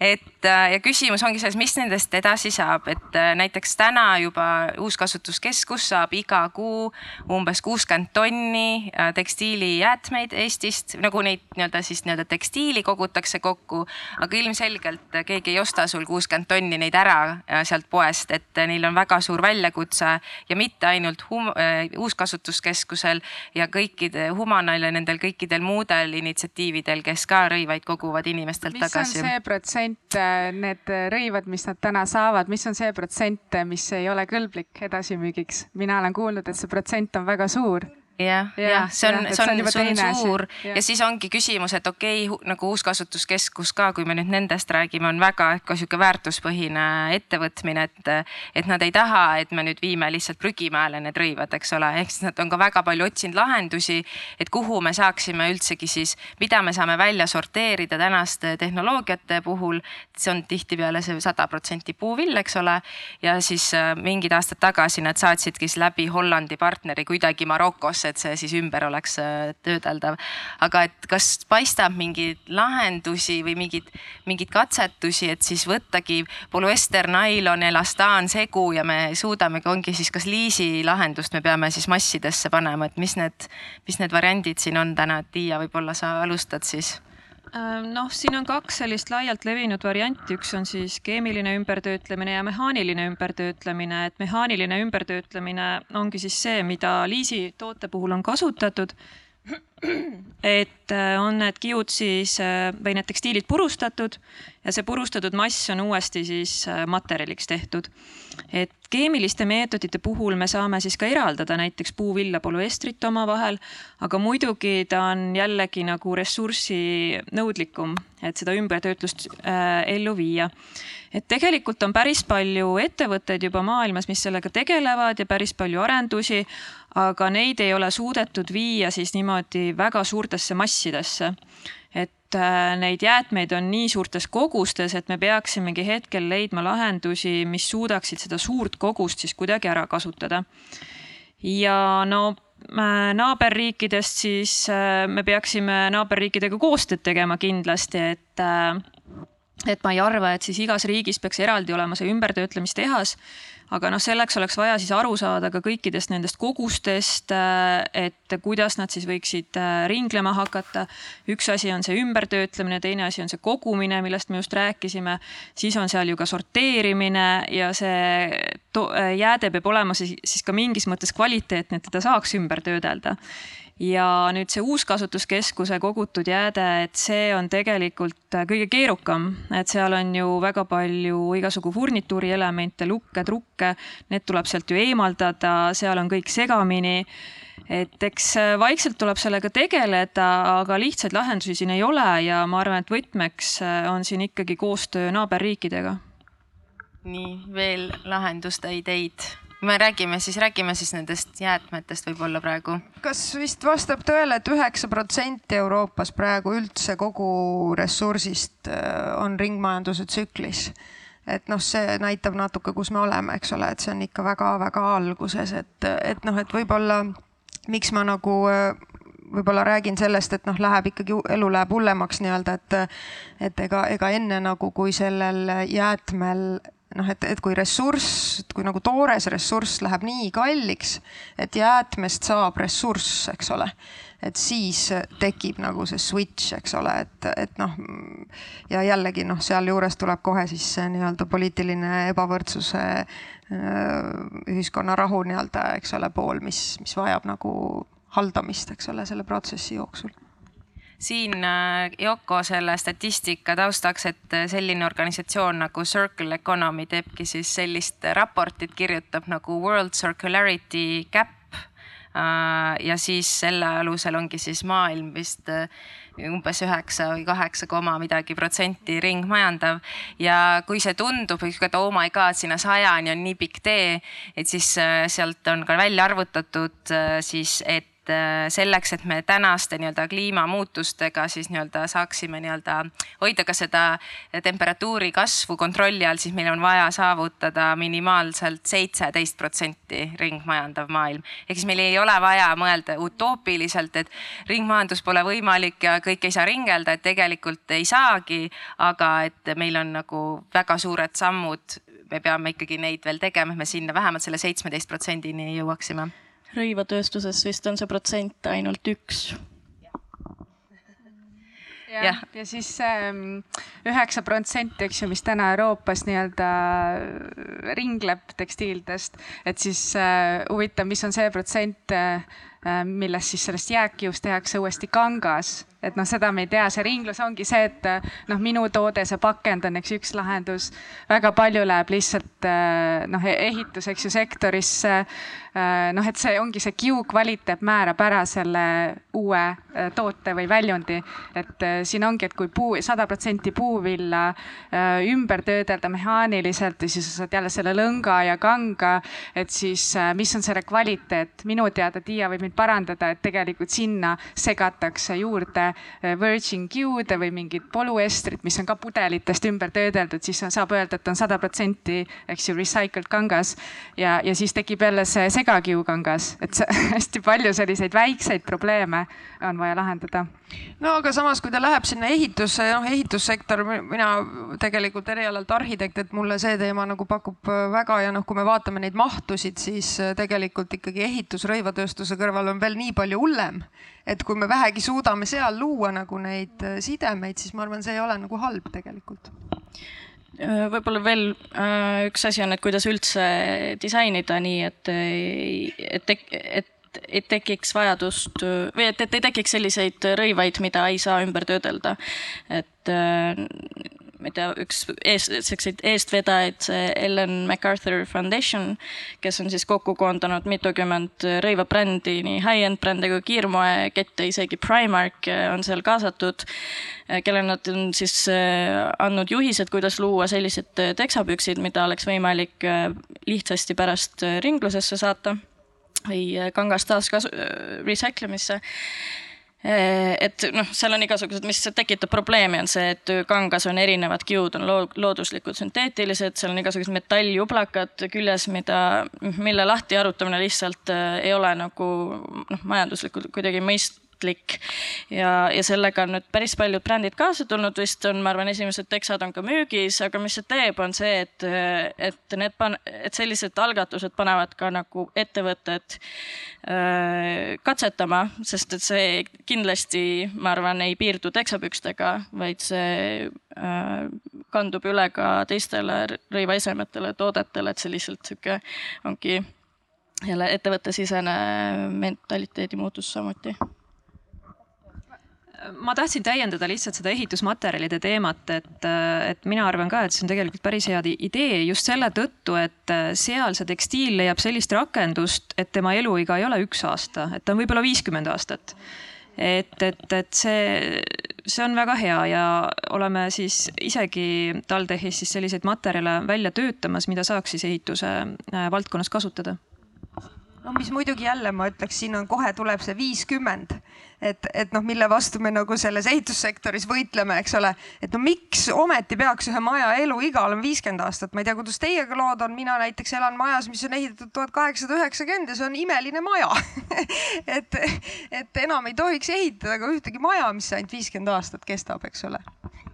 Ma korra võtan sammu tagasi, aga äkki peaks publikule seletama ära, et miks kangad on üldse tänapäeva segakiududest miks me siis kohe juba eos, eos ei tee sada protsenti puuvill, sada protsenti polüester, võib-olla Tiia vist oskab kõige paremini seletada ära.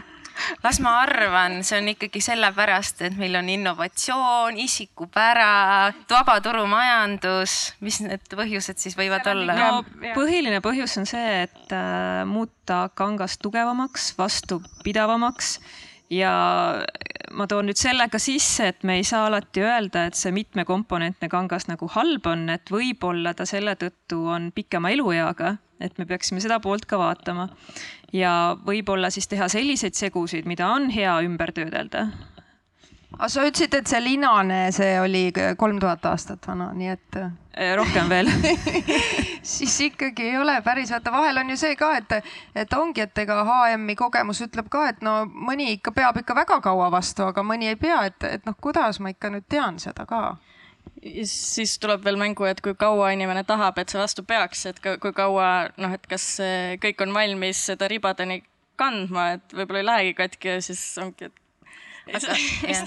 aga, mis, aga mis, eh, mis need nii-öelda, kuidas me siis seda esimest otsa saame siis jätkusuutlikumaks muuta, et siin Tiia pakkus välja, et võib-olla siis kas siis lubada ainult selliseid eh, nii-öelda kangaid või selliseid segumaterjale luuagi, mis, mis oleksid siis ümber töötle-, töödeldavad, et jällegi ähm, siin küsi, küsi, mina oleks väga selle poolt, aga jällegi siin äh, vabaturumajandus, kapitalism, ei tea, kuidas me nüüd seda turgu piirata no, saaksime. kapitalism ei tähenda seda, et ei ole piiranguid, see on ka üks müüt. Et, et noh, just nimelt, et me peame nagu õppima harjuma sellega, et äh, majandus ja, ja kestlikkus ei ole vastandid et, et me ise ka langeme kogu aeg sellesse ja minu arust see tekitab jälle seda, et meil on nagu väga raske neid poliitikaid läbi viia, sest jube lihtne on nagu, et kogu aeg noh, nii kui sa ütled, et tuleb teha kestlikkus, öeldakse, aga kapitalism. no ei ole nii aga siis äh, lahenduste või nagu, mis need, mis need jätkusuutlikuma moe tegemise sammud on? no eks äh, kõigepealt ähm, tulles tagasi selle juurde, mida ka Liis äh, rääkis, kui ta rääkis lahti selle hinna kujunemise, siis seal tegelikult üks komponent on ka see tootearendus. et äh, kuidas kohe alguses kogu see tsükkel läbi mõelda, et see oleks jätkusuutlik. et äh, siin on siis ka see jätkusuutlik disain ja kuni selleni välja, millal see jõuab tarbijani ja mis tast siis veel edasi saab, et kõik nagu selle ilusti läbi mõtleksid äh, ettevõtjad, aga ma arvan, et, äh, et kui siin liikuda Eestis väikeste sammudena edasi sammudega, siis äh, väiksed sellised koolitused, tead-, teadvustamised, teadlikkuse tõstmised nii tarbijatele kui ettevõtetele, et eks me peame selliste väikeste sammudega liikuma edasi, et Yoko ju ka mainis, et me ei saa nagu sellist tohutut survet kusagile peale panna, et siis sellel on vastupidine efekt võib-olla kasvabki siit välja selline väike ringmajanduslike organisatsioonide, ettevõtete liit eh, ja mitte rõivtööstuse, vaid just erinevate tööstuste, kus siis omavahel need eh, käima. no võib-olla ma mainiksin siin ära, ma korra mainisin Rohetiigrit, et et organisatsioon, mis on, eks ole, toonud kokku just või kus on tulnud kokku ettevõtted, kes tahavad siis nagu olla, eks ole, selles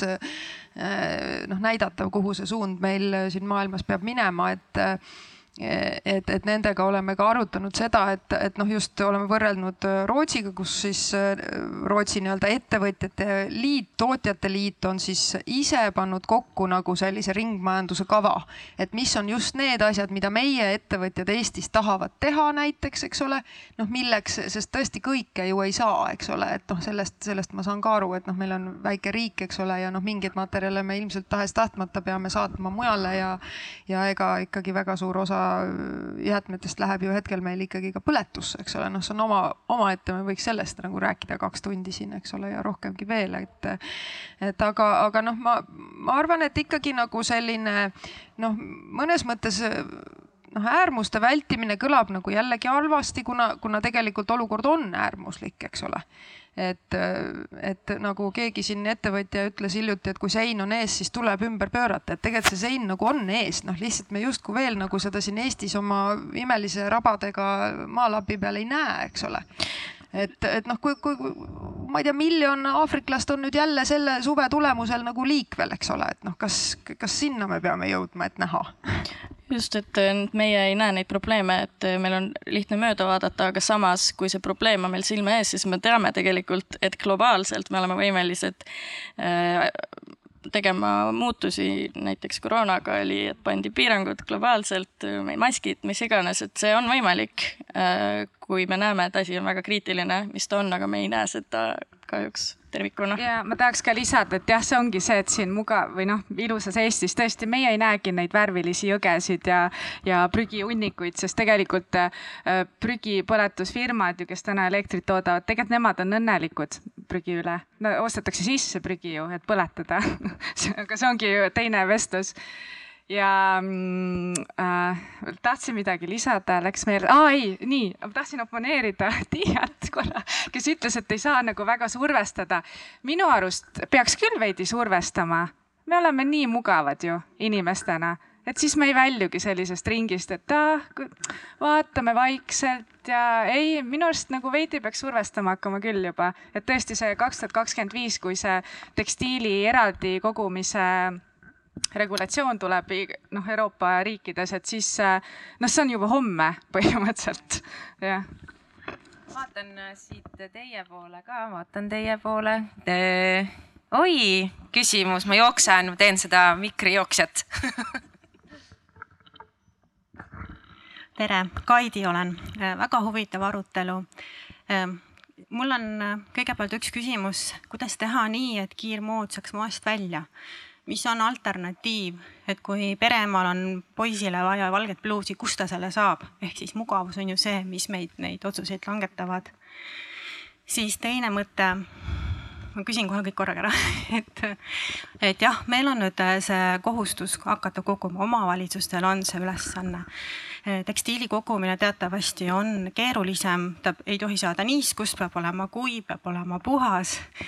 ja selleks, et inimesed seda tegema hakkaksid, suure tõenäosusega hakkavad, eh, siis mis sellest saab edasi? et kas selliseid arutelusid juba peetakse, kas saaks sinna osalema tulla või on need alles ees? Ja kolmas, kui ma Tallinna Tehnikaülikoolis kuulsin, et see on see ringmajanduse aine, siis kahjuks ei saanud veebi teel osaleda, nii et Tartust on väga keeruline käia üheks loenguks. tegelikult äh, saab osaleda seal äh, veebipõhiselt ka, et äh, juba kevadel sai no näed, see on, ma arvan, väga hea märk, et tahetakse, tahetakse, et, et seda peaks nagu tõesti noh, ma, ma näen, et siin vaata siin käis ka läbi see teadus- ja arendustegevus, et noh, mina, ma usun ikkagi sellesse, et noh, see on ka see, kus riik saab ikkagi jõulisemalt, eks ole, panustada, et, et need teadmised oleksid meil siin kohapeal olemas, eks. aga noh, võib-olla see kogumise koht on ikkagi ka see, kus ikkagi noh, see, see koostöö ikkagi selle, selle ettevõtjaga, selle tootjaga, eks ole, et ta peab vastu võtma ikkagi sellesama asja asja, mille noh, et, et kuidas jõuda sinnani, et kui ma midagi ostan, siis ma saan aru, et mina vastutan selle eest, et see asi jääb siia maa peale, eks ole, et no mis ma teen sellega pärast, eks ole.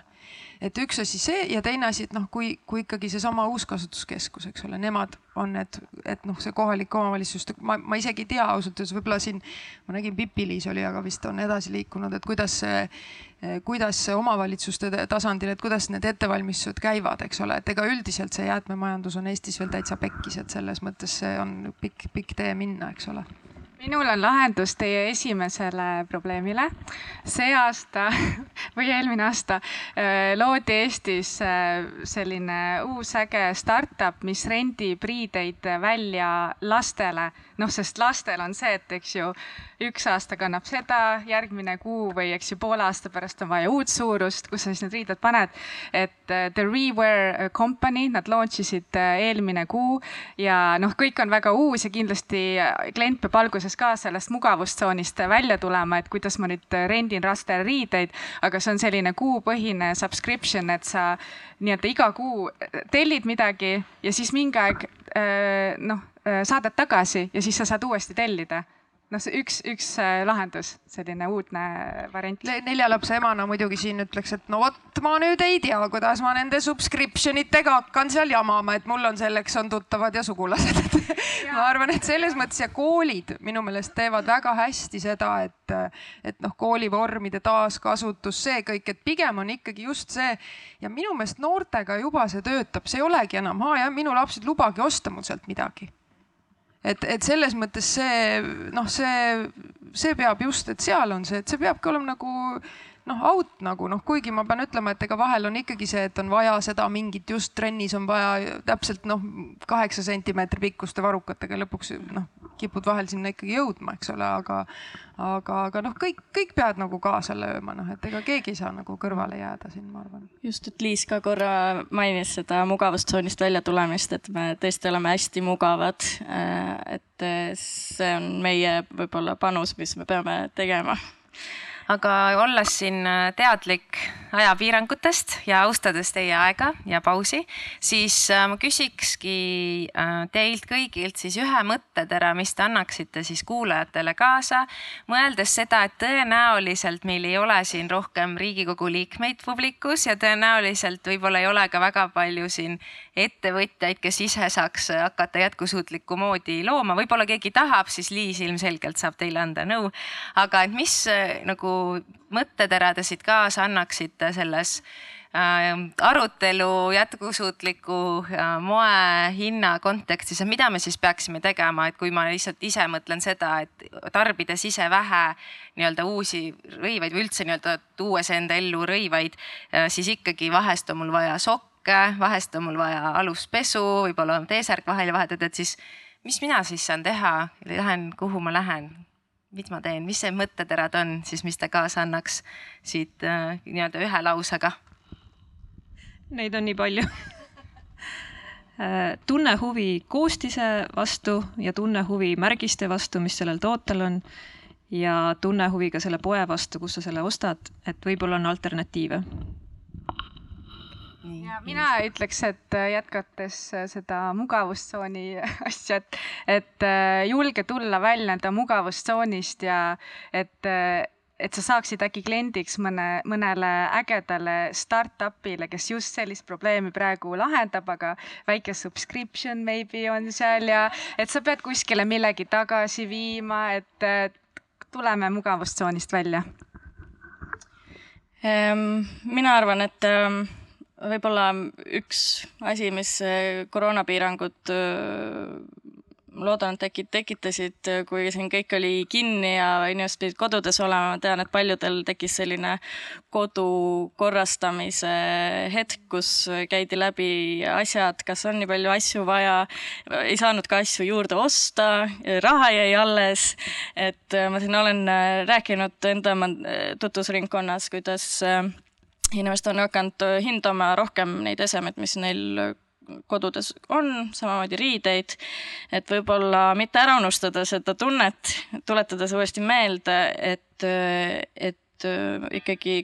nii-öelda väärtus ja kvaliteet üle kvantiteedi ja no ma nüüd ei, pidin ütlema, et ma pidin olema see Riigikogu liige ainus, eks ole, siis ma peaks ütlema, et valige neid Riigikogu liikmeid, keda see teema huvitab. Aga tegelikult ma ütleks hoopis ühe veel ebapopulaarsema asja, et tulebki osta kallimaid asju. Et siis ikka tundub, et siis me nagu saame aru. ja ka, no siis sa hakkadki kandma, no kui ma juba olen selle, eks ole, T-särgi viiekümne euro eest ostnud, no ega ma siis ei viska teda järgmine päev ära ju aga mitte pimesi lihtsalt kallimaid yeah. sest et ka kallid asjad võivad olla teha, tehtud täpselt samas tehases, kus viieeurone asi, aga jah, see no,. näiteks selliseid Illimori asju Il... siin on see üldse ei ole mõeldud niimoodi, et me kutsusime Liisi siia tema brändi promoma, absoluutselt mitte. aga ma enda poolt äh, lihtsalt äh, ütleks ka selle äh, enda tarkusetera kaasa, et kõige parem asi on see, mis sul juba olemas on, ehk siis kanna oma rõivad väärikalt lõpuni. Äh, see on olnud minu eesmärk viimased äh, viis aastat ja ma siiamaani kannan neid rõivaid, mis mul ikka veel viis aastat tagasi kapis olid. aga aitäh teile, et te olete kuulanud ja väga suur aplaus teile endale, et olete ka selle päikese käes vastu pidanud, aitäh teile.